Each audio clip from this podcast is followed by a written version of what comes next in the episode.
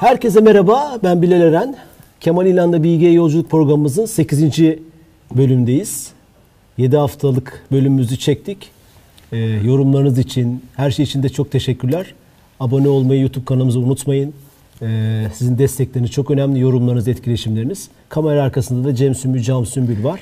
Hocam tekrar hoş geldiniz. Hoş bulduk. 7. bölümde e, bir sınıflandırma yapmıştık 6. bölümde. 7. bölümde de e, doğa bilimleri, sistem bilimleri ve insan bilimleri arasındaki farkı konuştuk. Onları anlattınız. Önemli Daha farkı. çok sosyal bilimler üzerinde daha, durdum. daha çok sosyal bilimler Onu üzerinde- ortaya çıkarmak üzere o farkı yaptım. Yani Aynen. sosyal bilimleri karakterize ettim. İyi Şimdi ki- değişecek doğa bilimlerine İyi bak. ki ilerleme durdu dediniz. sosyal Evet, bilimlerde. tabii, tabii, iyi ki dedi. Doğa bilimleri kadar O çok gitmiyor. hayırlı bir havadis. Ee, şimdi ise e, aslında biraz gelecekle ilgili tasavvura Doğa bilimleri nereye gidiyor? Şimdi Onu bakın. konuşacağız. Benim kitabımda da kullandığım bir Amerikalı gazeteci var. Scientific American'da yazan. O böyle çok münakaşalı bir kitap yazdı. Bayağı eleştiriler aldı filan. Bilimin sonu kitabın adı. Bilimin sonu. Bilimin sonu mu? Doğa bilimlerine vuruyor. Ama doğa bilimlerine de vuruyor. Bütün bilim dallarında hepsinde artık diyor böyle büyük teoriler, yeni buluşlar filan azaldı diyor. Bundan sonra çıkmayacak diyor. Çok iddialı laflar bunlar. Tamam mı? Yani mesela burada işte çifte sarmallı DNA, ondan sonra büyük patlama, relativite, kuantum teorileri gibi teoriler bundan sonra çok fazla olmayacak diyor. Bunlar artık bir çıkmaza girdi Bir filan. kısmı da hocam sözünüzü kesiyorum. Evet. Affedin lütfen. Evet. Bir kısmı da e, dinliyorum bilim adamlarının. Daha beynin hiçbir şeyini bilmiyoruz. Uzayla alakalı hiçbir şey bilmiyoruz Doğru, hani. doğru, deniyor. Doğru, doğru. Şimdi oraya da geleceğim. Ee, e, e, yani bunu ben eleştiriyorum. Bu Ha, bunu eleştiriyorsunuz, Eleştireceğim tabii. Ama kullanacağım bazı yerlerini. Şimdi bir alıntı yapalım. Richard Feynman benim çok beğendiğim bir adam ve şeyin babasıdır. Yani çok önemli adamlardan biridir kuantum teori, kuantum mekanik üzerine. Caltech diye bir e, Güney Kaliforniya'da Caltech, e, California Institute of Technology'de profesördü. Ondan sonra Nobel'li filan müthiş bir fizikçidir. Fizikçiydi yani. Onun bir ondan bir alıntı yapıyorum, okuyorum. Alıntıyı kitapta e, Character of Physical, Physical Law yasalarının karakteri diye 67 tarihli bir kitap. 67 tarih. Keşifler çağında yaşadığımız için şanslıyız. Aynı Amerika'nın keşfi gibi ancak bir defaya mahsus olarak keşfedilebilir. Yaşadığımız çağ temel doğa yasalarını keşfettiğimiz bir çağ ve böyle bir çağ tekrar gelmeyecek. Dışarıdan aptalca görüşlerini ifade eden felsefeciler üstümüze çökecek. Hiç sevmiyor felsefecileri. Fikirlerin dejenerasyonunu yaşayacağız. Aynı yeni keşfedilmiş bir bölgeye turist sürüsünün akını olduğu vakit büyük kaşiflerin hissettiği dejenerasyon duygusu gibi diyor. Feynman 1967 yılında. Büyük yas şeyler, doğa yasaları artık bundan sonra beklemeyelim diyor. Şimdi Horgan'ın görüşlerini eleştirelim. Bir kere Horgan'ın kitabında bilimin çeşitli alanlarını sınıflamıyor. Her şey matematik giriyor, bilim giriyor, felsefe giriyor. Her şeyi sokmuş oraya. sınıflandırma yok. Hiçbir sınıfla. O zaman tabii birçok dediği şeyler doğru diye abartma vesaire vesaire. Ama burada bir şey var. Feynman'ın da dediğini hareket edersek hani ne dedik? Ee, şeyden e, paradigma değişmesi ilk başta şeydi söyle Aristoteles e, Kozmolojisi. kozmolojisiydi. Oradan Newton. Newton. kozmolojisine geldik. Orada Einstein kozmolojisi. Sonra birdenbire kuantum teorisi çıktı ki şeyle e, Einstein'le el ele gitmiyor. Ap- Ayrı bir e, yoldan gitmeye başladı. Küçükler dünyasında uğraşıyor. Biri de büyükler dünyasında uğraşıyor falan. Buna benzer bir sürü başka teoriler daha çıktı ama ortalık karışık. Sanki yeni bir paradigmanın görün, görünürde bir geleceği yok. Bir tek benim korktuğum kuantum müthiş bir şey yapabilir. Belki yapmaz. Yani o, o çünkü çok esrarengiz bir tarafı var kuantumun. Ama öyle çok fazla süpersizm teorisi diye bir şeyler var filan falan. Bunu gidiyor. Çok spekülatif alanlar var. Deney de yapamıyorsun ama bir sürü laf var vesaire gidiyor. Şimdi Feynman'a da bakılırsa belki büyük yasaların yani doğa yasalarında bayağı paradigmayı değiştirecek hani Einstein gibi bütün bakış açını değiştirecek e, doğa yasalarının oluşması ihtimali oldukça düşük gözüküyor. Her zaman sürpriz olabilir ama düşük gözüküyor. Yani öyle her dakika Diyor. Siz de mi öyle düşünüyorsunuz? Ben de öyle düşünüyorum. Büyük bak büyük fizik diyorum buna. Ayrıca büyük fizik şimdi nerelerde gidiyor büyük fizik? Astrolojide gidiyor. Kara delikler mesela. Yahut neyse. İşte Hawking gibi uğraştığı şeyler. Şimdi bunlar bizim ilk defa alet edevatlarımız da şey olduğu için artık teleskoplar da çok yerleri görüyor. Müthiş data toplu veri topluyorsun. Olanakların çok fazla onun için daha fazla şey söyleyebiliyorsun. Ama bir yerden sonra bu da bizi ne kadar ilgilendiriyor? Yaşamımıza ne kadar değiyor? Ha, buna bakacağız bir de. Yaşamımıza değiyor mu değmiyor mu diye bak. Çünkü CERN'de deney yapıyorlar. Milyarlarca para gidiyor. Ne buluyor? Higgs boson diye bir parça var mı? Atom altı parçası. Yani çok küçük bir parça. Peki olsa ne olacağına dair bizi çok aydınlatmış değil. İnsanlık bu vergilerimizle bunu verelim mi? Şey yapalım mı? Bu tartışma CERN- var. Ya bu tartışma çok var. Şimdi başka bir şey daha oluyor. Çok önemli. İkinci olay. Doğa yasaları yani bu büyük fizik dediğimiz olayda buraya bir yatırı şey meselesi var. Deneyler için e, büyük devlet paraları buraya aksın akmasın meselesi var. Ama başka bir olay daha oluyor. Bilim felsefesinde tahta oturan bilim dalı fizikti. Çünkü fizik matematiği en verimli kullanan, en mantık ve matematiği kullanarak bütün sonuçların arkasında yatan bütün büyük buluşlar fizikten geliyordu. Tahta hiç yerini kaybetmeyecek gibi geliyordu. Kaybetmeye başladı. Biyoloji mi? Biyoloji. Niye? Çok önemli bunun niyesi. Şimdi fizik bütün evreni inceliyor. Yani sadece dünya değil, ay, meri, her yeri yani bütün evrendeki yasaları inceleyerek olaya gidiyor. Kara deliklere bakıyor vesaire vesaire. Değil mi? Bütün galaksileri inceliyor vesaire. Teleskoplarında şununla bununla. Yani bilim bunu, fizik bunu yapıyor. Biyoloji bir tek yere bakıyor. Neresi? Dünya. Başka canlı olan bir yer yok ki. Günün birinde bulursak ne hala ama ihtimali çok sıfır diyorlar hemen hemen. Olabilir olursa düşünürüz o zaman. Şu an böyle bir şey yok. Peki niye bu kadar biyoloji şey tahta oturacak? Nereden bu adam kral oluyor ya? Bunu sormak lazım. Nedeni şu. Fizikçilerin kendine kör oldukları bir nokta var. Chomsky'nin örneğinden tekrar hareket edeceğim. O da şu. Yahu biz neyi anlayabiliriz, neyi anlayamamayız sorusunu ıskalıyorlar. Çünkü senin bütün ürettiğin bilgiyi kim üretiyor? Merihliler üretmiyor, insanlar üretiyor. İnsanların bilgi üretmekte kısıtları var mı yok mu? Nereye kadar gidebilir insanlar bu bilgi üretme meselesinde? İnsanlar ne? Bu gezegende yaşayan canlı varlıklar. Bunun sırrı nerede yatıyor? Biyolojide. Özne. İnsan kapasitesi nedir? Bak özne meselesi. Özgür irade değil bu. İnsanın bir biyolojik varlık olarak kapasitesi nedir? Neyi anlayabilir? Neyi anlayamaz? Beynin etrafını algılama ve yeni bir şeyler bilgi üretme kapasitesi nereye kadar gider? Biyolojiye ve yaşama bakarsak bunu belki öğrenebiliriz. Biyoloji bu bakımdan kıymetli. bir de hayatı öğrenme bakımından. Çünkü insanlar da hayatın bir parçası. Birdenbire müthiş bir değer kalır. Bir tek dünyada var ama biz de zaten dünyadayız. Başka merihte yaşamıyoruz ki hiçbirimiz. Ve bizi ilgilendiren de insanlar. O zaman Biz çok biyoloji- az şey biliyoruz değil mi hocam? Ha şimdi gelelim. Biyoloji çok bakir bir alan. Biyolojide büyük patlama bir evrim teorisi tabii çok önemlidir. Evrim teorisiyle geldi başladı. Ama asıl DNA. Yani biyoloji e, olayın e, yaşamın yaşamı oluşturan e, kodları belirleyen olay DNA ile belirlendi. Bu şekilde insan karmaşık bir varlık değil, DNA e, sıralamalarının bir ürünü O da olarak yapıldı. çıktı. Gen haritası çıkarıldı. Şimdi gen haritası çıkarıldı filan ne demekse bunların hepsinin şeyine girmek lazım. Fakat başka bir olay daha var biyolojiyi böyle heyecanlı hale getiren.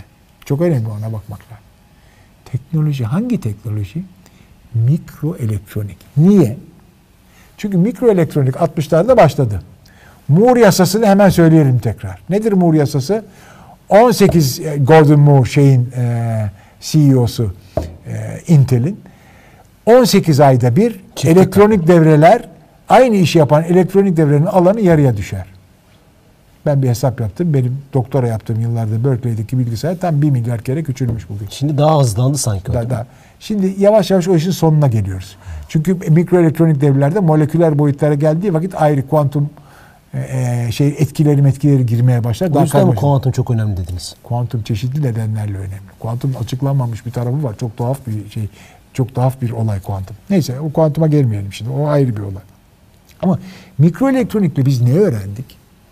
Mikroelektronikte küçültme teknolojileri öğrendik. Küçülüyor alet. Ne demek ulan şu kadarcık yere e, e, e, bir milyar tane transistör koyuyorsun? Küçülük ne yapıyorsun? Büyük fotoğrafını çekiyorsun sonra çe- çeşitli teknolojiler kullanarak onu küçültüyorsun. Küçültüyor, Tabii örnek vereyim. O da büyüklüğündeki bir bilgisayarı cebimize sayacak hale geldi. Ne dedim? De, doktora yaptığım zaman da bütün üniversitenin bilgisayarı. Biz giderdik kartlarımızı verip alırdık şeyde Berkeley'de. Yıl 1900 boş ver yılı söylemeyeyim tamam mı? Şu, şimdi, şimdi bugün baktığımız vakit o 18 ay şeyini kullansa tam 1 milyar kere küçülmüş o. 1 milyar kere. Yani ne demektir? Şu telefonumuzun içinde küçük bir nokta. Bütün Berkeley'deki her yere bakan bilgisayar. Tamam mı? Yani bilgi kur, bilim kurgu gibi bir şey. Müthiş küçülüyor. Bu küçülmenin teknolojisini de öğreniyor insanlar. Ne boyutlara küçülüyor? Moleküler boyutlara. Subatomik değil bak atom altı değil. O bizi ilgilendirmiyor. Yaşam o değil. Moleküler boyutlara bir şey küçülünce ne var burada mühendislik örneği? Tersten mühendislik. Yaşam, yaşam, yaşam bu boyutlarda. Yaşam. Yaşam moleküler boyutlarda gidiyor. İlk defa o boyutlara indik ve o boyutlarda mühendislik yapmasını öğreniyoruz. Neye bakacağız öğrenmek için? Yaşam mühendislik yapıyor. Çok güzel. Geçen gün bir biyolojide konuşma dinledim. Yaşam nasıl mühendislik yapıyor? Önce kendi evrimi var. Çok tuhaf bir şekilde seni üretiyor. Senin kulağın niye bu kadar büyüdü? Niye burnun böyle? Niye kaşların böyle? Senin çünkü şeyinde söyle adı kromosomlarında annenden babandan gelen genler bir kısmı bozuldu, bir kısmı iyi çalıştı. Sonunda böyle bir va- yavaş yavaş senin her yerini yaptı. Sen farkında değilsin. İçindeki fabrika çalıştı. Fabrika. Teknoloji çok geride. Niye geride? Benim bir, ben çocuklara örnek veriyorum. Benim bilgisayarım var. İki bilgisayarı üst üste koyuyorum çocuğu olmuyor. Olmuyor. Teknoloji, tok- teknoloji kendini üretemiyor. Halbuki biyoloji üretiyor. Ama hatalar yaparak üretiyor. O kanserli çıkıyor, bu kulağa eksik çıkıyor, bu aptal çıkıyor, bu akıllı çıkıyor. Yani arada arızalı bir şey yani arıza marıza bir şeyler Ama bir çıkıyor. döngü var. Ama şu müthiş bir döngü var. Biyoloji. Bir mühendislik var orada. Evrim mühendisliği var. Müthiş rastgele olaylar var. Yani probabilistik e, olası var. Ama bir şekilde orada öyle. Şimdi o halde ilk aşama bu evrim yapıyor. İkincisi sen giriyorsun DNA'sına bakıyorsun. Sana müdahale ediyorum ben. Öyle bir yapıyorum ki sen daha çocukken senin genlerinin içine giriyorum. Öf be. Herif matematikten çok iyi not alacak. Çünkü ben öyle bir yaptım ki onun genlerinde yahut şu kanser hastalığı olmayacak. Yahut şu ol. Edit ederek. Çin'de bir tasarım kediye giriyorum. işte hocam. Tamam şimdi o klonlama. Edit ederek dört kafalı kedi yapıyorum. Bu editing. Bir de daha beter bir şey yapıyorum. İkinci basamak editing. Yani şey yapar, değiştirerek, manipüle ederek. Çünkü olay o kadar karmaşık ki hepsini bir de yapamam. ama. Daha tehlikelisi ki onu yapma insanlar şey yapıyor. Sentetik biyoloji diye bir alay var. Bütün canlıyı sen baştan yapıyorsun. Hepsini. Yani var olan bir canlıyı değiştirmek yerine bütün canlıyı sen yapıyorsun. Ama mühim olan şu. Bu alanın adı ne? Nanoteknoloji. Ben sevmiyorum bu lafı ama bu kullanılıyor. Nanoteknoloji dediğimiz vakit ben benim sevdiğim laf moleküler mühendislik. Yani moleküler boyutlarda, nanometre boyutlarındaki yani ne demektir? Bir e, santimetrenin, e, bir metrenin nanometre 10 üzeri 9 bir milyarda biri. Çok küçük bir boyut. Bu moleküllerde de bu boyutlarda e, olaylar gidiyor. Şu kadar 100, 10 nanometre, 100 nanometre vesaire şeklinde gidiyor. Bu moleküler boyutlarda ben mühendislik yapmaya çalışacağım. Çok zor ama öğrendim birazını bunu mikroelektronikten. Şimdi bakıyorum ilk defa olarak canlılar nasıl bu işi yapıyor? Ne öğrenebilirim canlılardan? Biyoloji ilk başta bize bir öğrenme okulu. O yüzden tahta oturuyor diyorsunuz. Tabii tahta onun için oturuyor. Canlıları artık bizim canlıların bu işi nasıl yaptığını anlamak için teknolojimiz, ölçme teknolojilerimiz var en azından. O boyutlarda işin içine müdahale olup ölçebiliyoruz. Biyoloji nereye girer sınıflandırmanızda? Doğa bilimi. Doğa tabii. Doğa tabii. Tabii ki doğa. Doğa bilimi en önemli şey. Çünkü Canlılar dünyası bir tek dünyada var. Ama sanki insani bilimlerle, sosyal bilimlerle de Hayır, kesişen o- yerleri varmış gibi. Hayır insan davran tabii zaten e, her özgür iradesi olan insan aynı zamanda bir biyolojik varlık. Yani ne dedik? İnsan iki orada çok şey Alman gibi diyalektik düşünce. Yani aynı anda insan hem nesne hem özne. Tamam mı? Siz Almanları çok sevmiyorsunuz bildiğim Evet, kadarıyla ama. sevmem. Severim. Yani şey, onunla bir aşk nefret ilişkim vardı. Marksist olduğum için zamanında ondan öyle bir şeyim vardır. Hegel ve Marx'a karşı bir zaafım vardı. Tamam şimdi e, şey öyle. Ee, Biyoloji. biyoloji. böyle çok tahta oturuyor. Şimdi bu şu oluyor. Çok tuhaf bir olay oluyor burada. Ne yapıyor insanlar? Bir kere ilk başta şu e, dinleyicilerimize tersten mühendislik ne onu anlatayım. Çok önemli tersten mühendislik. tamam. Tersten mühendislik şu. Düştü senin şey uçağın. Rus uçağın. Bilmem ne yahut Amerika ya bir Rus uçağı düşürelim hadi. Türkiye'de düştü. Hemen Amerikalılar geldi. Rus uçağına baktı. O Rus uçağının düşmüş harabelerinden nasıl tasarımlandığını öğrenmeye çalıştı. Tersten mühendislik bu. Yani son ürüne bakıyorsun. Onu nasıl tasarımladığını ve ürettiğine geri dönüyorsun. Tersten mühendislik bu. Bir şeye bakarak. Bu bizim için niye değerli? Birazdan göreceğiz bu e, Kurzweil vesaire bunu yapmaya çalışıyor. Tersten mühendislikle insanı anlamaya çalışacaksın. Biyoloji tersten mühendislikle gidecek. Sen insan üretemiyor. Yani üretiyorsun da üretme başka şekilde oluyor tamam mı? Seksüel üretimden bahsetmiyorum ben. İstediğin şekilde bir insanı üretmek olarak bahsediyorum. Bunu yapamıyorsun. Bundan çok uzaksın şimdi. O halde bu işin nasıl ürediğine bak ve öğrenmeye çalış buradan. Neyi öğreneceksin? Beynin yapısını öğreneceksin. Neyi öğreneceksin? Bütün insan uzuvları hakkındaki bilgileri ve bunların içindeki sistemin nasıl çalıştığını öğreneceksin. Neyi öğreneceksin? Görmeyi nasıl hallediyoruz? Neyi öğreneceksin? Duyma nasıl gidiyor vesaire. Bütün bunları tersten mühendislik yapacaksın. Ve buna göre de sen belki teknoloji oluşturacaksın. Bundan kazandığın bilgilerle, bundan kazandığın bilgilerle teknoloji oluşturacaksın. Ve bunu ne yapacaksın? Manipüle etmesini öğreneceksin. Tehlikeli. Çok tehlikeli. Çok tehlikeli ama bu olay bu. Bu şeyde. Yasaları olmazsa ahlaki kuralları Şimdi vesaire. burada müthiş bir atlama DNA meselesiydi. Oradan itibaren e, biyoloji e, tahta oturdu. Yani burada uzun lafın kısası fizikte şimdi gelelim büyük fizik meselesi. O şey lafını da sen e, sana söyleyeyim. Filmin adı neydi hatırlıyor musun? E, Hawking'in hayatını yapan film.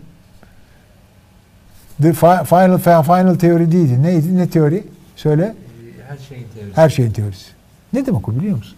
Niye her şey? Ya da buna final teori de deniliyor. Bilim adamlarının, başta fizikçilerin bir estetik şeyi var. Ee, ne Kaygısı. der? Duygusu var. Duygusu. Yani hep istedikleri şu. Her şey tek bir kuraldan türesin. Tam dedüksiyon. Yani bir tek doğa yasanı olsun, tek tepede. Bütün diğer doğa yasaları ve bilgiler oradan türesin. Tam bir piramit olsun. Final teori demek tek bir teori olsun. Olmadı bu. Olmadı. Einstein'ın relativitesiyle kuantum çakıştı olmadı. Yani her şeyi açıklayan bir şey yok. Her şeyi bir yere bağlamak isterler. Final teoride e, teori, her şeyin teorisi lafı da bu ideale yaklaşmanın ifadesi ki filme o adı vermişler. Yani fizikçilerin ne kadar ideal olduğunu oradan anla ki filme de o adı vermiş. Nedir hocam o? Nedir mesela işte o. Bir tek bir teori olsun. İstek. O bir isteğin ifadesi. Başka bir şey değil. Stephen Hawking de büyük bir fizikçi oldukları için onun filmine öyle bir başlığı o isteklerini, arzularını oraya koymuşlar. Tamam mı? Teori, her şeyin teorisi adı altında. Öyle bir istekleri var. Ama öyle gitmiyor fizikte. Hiçbir bilim öyle gitmiyor. Birden fazla doğa yasası var. Bunların arasındaki ilişkiler çoğu kez bilinmiyor. Bunun adı reductionizm. İndirgeme, tek bir şeyi her şeyi indirgeyebilme. Kısacası uzun lafın kısası. Fizikte çok büyük teorilerin çıkma olasılığı az. Her zaman sürprizler mümkün. Yani o yönde ilerlemeyecek ama Kuhn'un normal bilim dediği bir şey var. Yani bilinen yasalarla yeni buluşlar yine oluyor. Durmuyor ki bir şey.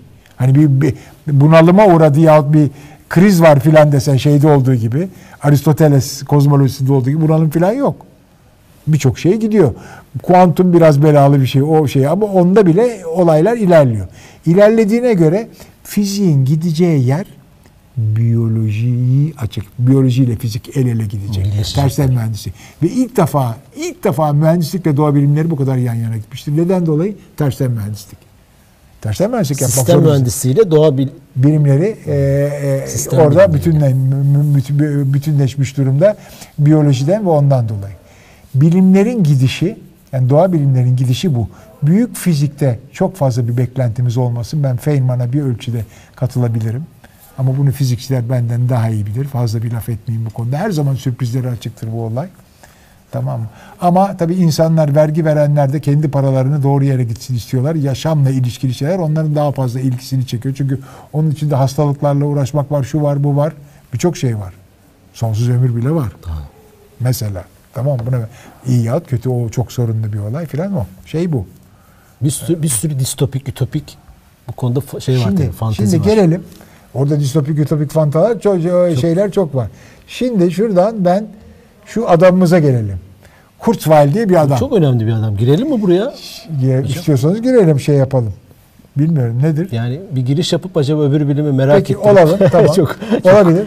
Kurzweil, Kurzweil. Kurzweil ilginç bir adam. Bu adamın şeye gelişi, sahneye gelişi. Bu New Yorklu bir Yahudi. Ee, çok Evet. parlak bir kafa. Ve e, e, birçok ödül almış.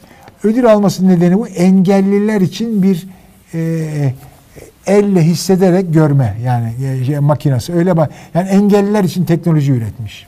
Ondan da biraz şöhret alıyor. Şirket kurmuş. Başarılı olmuş. Singularity denen e, Singularity bambaşka. başı. Singularity lafını da bir onu da şey yapalım. Singularity matematikte şudur. Bir nokta gelir, bir eğri çizersin. Bunu lise öğrencileri de bilir. Bir asimtot vardır. Sonsuza doğru gider eğri. Patlamadır oraya. O eğri yani bir asimtot vardır. O noktaya doğru giderken eğri böyle vup sonsuza fırlar ve sonsuza patlar. Bir patlama noktasıdır. Türkçesi si- singularity'nin felsefeden gelen tikel, tekil değil de tikel diye bir laf vardır. Tamam mı? Yani o kullanılır. Ben başka bir laf bilemiyorum. Belki başka bir daha şey varsa söylesin. Singularity dedi öyle bir yere gelecek ki dünya diyor teknolojide müthiş bir patlama olacak ve bunu 2045 yılı olarak görüyor. Ve burada mesela sonsuz ömür mümkün olacak. Ama asıl dediği şu Kurzweil'in. Başka şeyler de mesela robotlarla Var. birleşmemiz, Ya, makineleşmemiz. Kurzweil'in asıl Üniversite dediği- kurdu sanırım. Kurzweil evet işte bu Singularity University kurdu şeyde filan. Yani Google'u Google yapan adam. adamlardan Google, biri. Google'u Google yapan adam olup olmadığını emin değilim ama onun mühendisliğinin başında olduğu önemli bir şey. Şimdi dediği şu. Şöyle gidecek olay diyor. Ki ben buna hiç inanmıyorum. Niye olmadığını başka programlarda söyleyeceğim. İnanmadım. Önce insan beynini tersten mühendislikte deşifre ediyorsun. Tümüyle anlıyorsun. Beynin nasıl çalışıyor bütün ayrıntılara göre anlıyorsun. Yani insanın nedenselliğini çözüyorsun. Subjektivite problemini çözüyorsun. Senin artık nasıl hissettiğini ben beynin içine girdiğim için biliyorum. Bütün. O sadece beyinden gidiyor. Yetersiz ama boş Ne zaman kolumu indirip kaldıracağımı biliyoruz. yani. Biri hepsini. Adam mesela bir de şöyle bir şey var. Onu da hemen araya sıkıştırayım. Her şey enformasyondan hareket. Bütün dünya tarihini enformasyonla görüyor. Enformasyon şey dolu. O, yani o background'dan geldiği için enformasyonla şey yapıyor. O yüzden Google'da hocam. Neyse, neyse o yüzden olabilir. Mesela diyor ki sen nesin? Sen de benim atomlarımız aynı. Onun da atomları aynı. Farkımız ne? O atomların senin içindeki diziliş biçimi benimkinden farklı. Information'lar farklı. Aramızdaki tek fark information farkı. Ben eğer senin bir resmini çekebilseydim ama resim diyeceğini bütün atomların o andaki nerede nasıl olduğunu hatta küçük bir videonu çekseydim bu bilgiyi de iletebilseydim seni ışınlardım başka yere. Orada birdenbire sen tekrar bitiverirdin onu ben şey yaparım. Yani information tutabilir. Burada fiziğe çok ters düşen şey Heisenberg prensibi var. Ondan sonra quantum non-determinism var. Yapamazsın bunu Böyle ama- filmler var hocam. Var var. Tabii film Sizin çok bir beyninizin yediğini Evet, alıyor. var, var, Başka bir o, o da ayrı o da ayrı bir şey. Beyin yedeğini almak. Ama adamın dediği üç aşağı beş yukarı ki benim inanmadığım olay beyni tersten mühendislikle tümüyle deşifre edecek. Bir. Ama beyin çok yavaş çalışıyor. Sulu bir şey cıvık. Onu teknolojiye işleyecek. Onu çok daha hızlı çalışan hale getirecek. Bu şekilde insanın aklını teknolojiye işleyecek. Teknoloji insandan daha akıllı mahluklar oluşacak.